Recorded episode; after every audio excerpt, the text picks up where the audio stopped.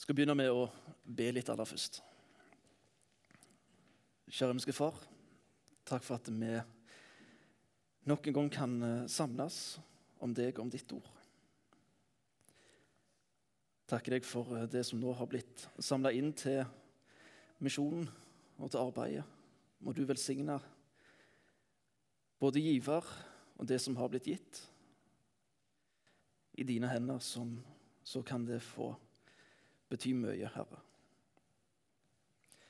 Velsign du resten av møtet nå, og åpner du ordet ditt for oss.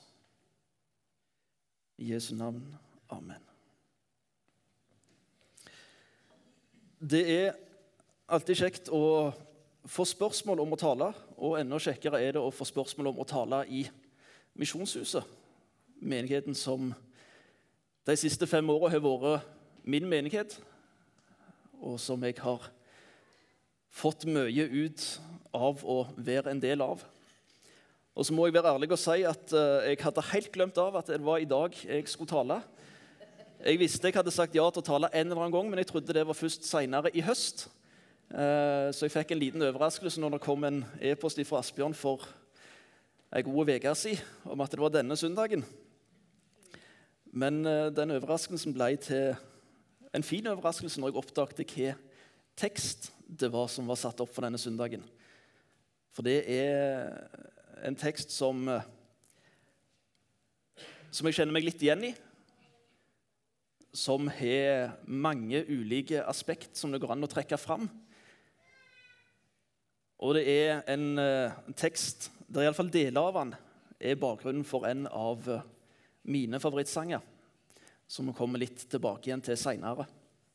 Kanskje er det noen som allerede nå begynner å tenke på hvilken sang det da er snakk om. Men vi skal aller først begynne med å lese teksten, og før vi gjør det Jostein nevnte på at han var blitt gammel. Jeg har passert 30, og jeg òg må begynne med lesebriller. Men en oppdages mye mer hvis en har de rette brillene og ser detaljene mye bedre. Og Forhåpentligvis så kan vi ha på oss de rette brillene og oppdage litt mer i dagens tekst òg. Dere skal få lov til å reise dere når vi leser søndagens tekst fra Lukas evangelium kapittel 15 og vers 1-10. Alle tollerne og synderne holdt seg nær til Jesus for å høre ham. Men fariseerne og de skriftlærde murret og sa seg imellom. Denne mannen tar imot syndere og spiser sammen med dem. Da fortalte han dem denne lignelsen. Dersom en av dere eier hundre sauer og mister en av dem, lar han ikke da de 99 være igjen ute i øtemarken og leter etter den som har kommet bort, til han finner den. Og når han har funnet den, blir han glad og legger den på skuldrene sine. Straks han kommer hjem, kaller han sammen venner og naboer og sier til dem.: Gled dere med meg, for jeg har funnet igjen den sauen som har kommet bort. Jeg sier dere, på samme måte blir det større glede i himmelen over én synder som vender om, enn over 99 rettferdige som ikke trenger omvendelse.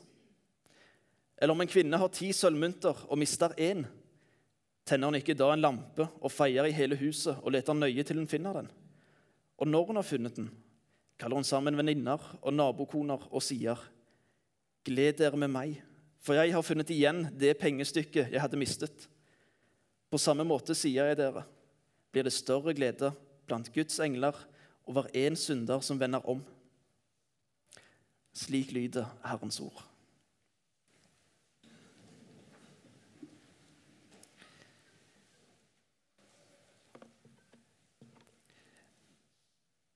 I den første lignelsen som Jesus her forteller, så gir gjeteren noen merkelige ting.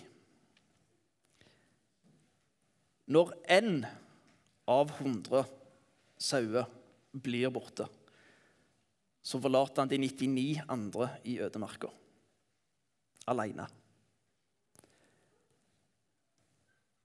En kan tenke seg at det kanskje var flere gjetere som var og passet på denne flokken, og at han da forlot de 99 andre til en av sine medhjelpere. Men det sier teksten ingenting om. Så vi må gå ut ifra det som står i teksten. De 99 ble forlatt alene i ørkenen. Og hver og en av de kunne ha stukket av. Men for gjeteren så var det verdt det. Det var verdt å redde den ene fortapte sauen. Det var verdt det å forlate de 99 andre. Og når han finner denne ene bortkomne sauen, så tar han opp på skuldrene, går hjem og arrangerer fest. En fest for den ene sauen. For en bonde så er sauene viktig. Og hver sau var nok viktigere for eh, bøndene på Jesus' i tid enn hva de kanskje er for en bonde i dag. I dag må vi regne med litt svinn. Men er den ene sauen så viktig at han fortjener å få en egen fest? At han fortjener å bli båren helt hjem? Han hadde jo tross alt 99 andre som holdt seg nær til hurden, og som ikke stakk av. Men en merkelige ting i denne lignelsen som kanskje blir litt oversett av og til Han gikk hjem med den ene sauen, men hvor ble det av de 99 andre? Det blir aldri nevnt igjen i lignelsen. Og jeg tror Vi ofte ser for oss at gjeteren går tilbake igjen etter dem eller at han tok dem med på veien. Det står ingenting om det. Alt som blir fortalt, det er at gjeteren tok sauen med seg på skuldrene. Og straks han kom hjem, kaller han sammen venner og naboer og sier til dem.: Gled dere med meg, for jeg har funnet igjen den sauen som har kommet bort. Og kanskje du forestiller deg at gjeteren forlot de andre 99 i ødemarka. Om du ikke liker den ideen, om gjeteren henter deg òg hjem, så er den ene skitne, bortkomne sauen den eneste som blir båren hele veien hjem av gjeteren, og i tillegg får en fest til sin ære. De andre sauene er igjen ute. På samme måte blir det større glede over én synder som vender om, enn over 99 rettferdige som ikke trenger omvendelse. I den andre lignelsen kan det virke som at kvinner gjør en stor sak ut av noe lite. Hun hadde ti mynter og mista én mynt. På grunnspråket så står det at denne mynten det var en drakme. En er litt usikker på hva verdi disse myntene hadde. Men på et tidspunkt i historien så tilsvarte det en manns dagslønn. Andre ganger så var det prisen på en sau. Og I eh, boka 'Bibelsk oppslagsbok' fra Luther forlag fra 1975, som jeg fant i bokhylla hjemme, så skrives det at en drakme den tilsvarte omtrent én krone i 1975-verdi. Omregna til 2020-verdi så er det ca. 6 kroner. For oss høres dette ut som lite penger, men for denne kvinna så var dette mye. På måten Jesus snakker om det, så kan vi tenke at du gjør en stor sak ut av noe som vi tenker er lite eller ingenting.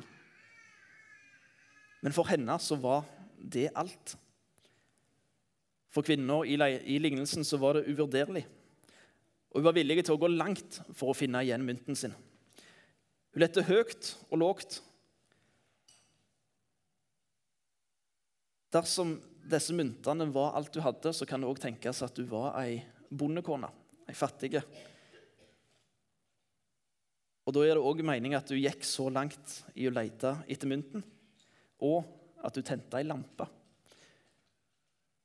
For husene til bøndene på Jesus' i tid de var små. De hadde lave dører. Ofte så hadde de gjerne ikke vindu heller. Og om de hadde det, så var det ikke store vinduene. Hun trengte lys dersom hun skulle klare å finne igjen denne mynten.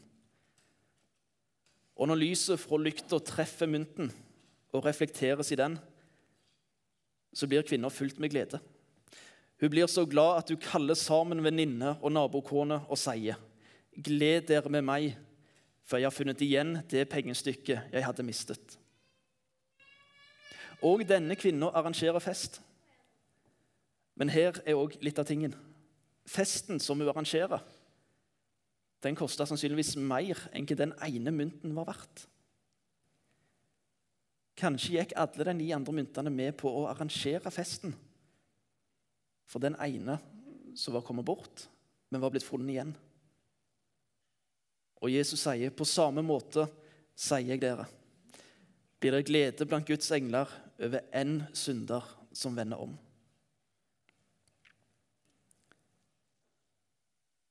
Det er flotte lignelser, flotte historier. Men hva handler de om? Vanligvis så ser vi på disse lignelsene med et fokus på misjon. Gå og finn de fortapte og bortkomne i denne verden. Og det er bra. Disse lignelsene kaller oss til å søke de fortapte og de bortkomne. Men det er ikke det som er hovedårsaken til at Jesus forteller lignelsene. Ikke om de leses i konteksten, i lys av det som er skjedd før. Lignelsene var primært retta mot sjølrettferdige jødiske ledere. Om de var så rettferdige som de hevda, så burde de forsøke å hjelpe andre og lede dem. Ikke dømme dem og etterlate dem til seg sjøl. Hvis de var så rettferdige, så skulle de skint Guds ords lys for de som var fortapt i mørket. Men i plassen for så lot de disse uvurderlige menneskene som Gud elsker, glippe mellom fingrene uten å forsøke å gå dem i møte. Og i sin sjølrettferdighet ved å ikke å handle, ved ikke å søke de fortapte, men ved å dømme, ved å ikke å klare å gjøre disse tingene, så klarte de heller ikke å se sin egen synd. De klarte ikke å se at de sjøl var fortapt.